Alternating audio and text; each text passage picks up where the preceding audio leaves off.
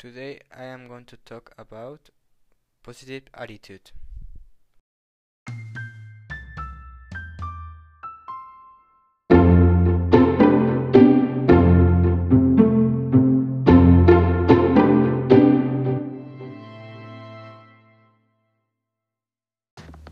The attitude can be defined as the manifestation of a state of mind or as a tendency to act in a certain way.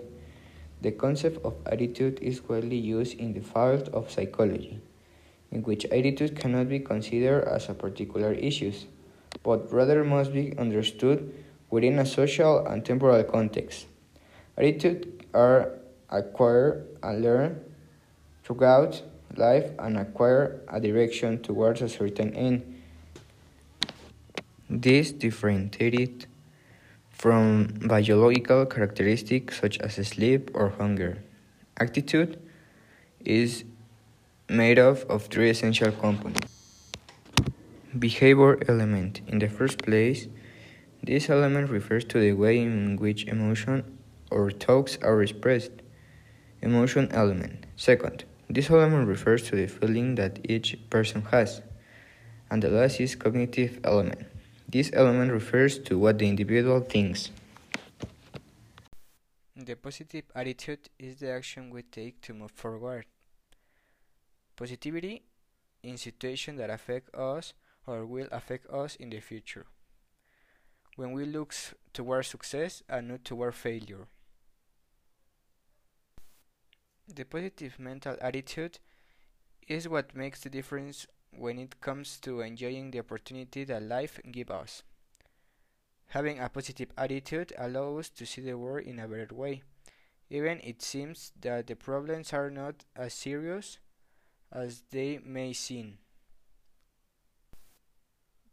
Positive attitudes that you can probably apply in your daily life. Be grateful to life. Leave the past behind.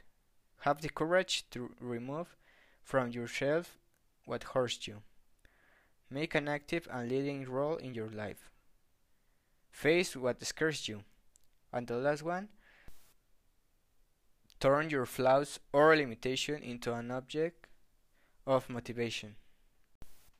The question is how to get a positive attitude? Think that you have nothing to lose, so even if your goal seems very strange, Give it a try. Thinking about what you want helps it happen. Do not be influenced by what others tell you unless if they know that they can make you change your mind.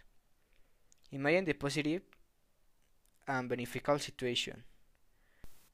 To do this, you have a spectacular weapon that is your imagination. Smile. That always helps to have a positive attitude. The family transmits values such as love, respect, tolerance, responsibility, or obedience. If these values haven't been learned then within the family, it will be more difficult for them to apply them in their adult life.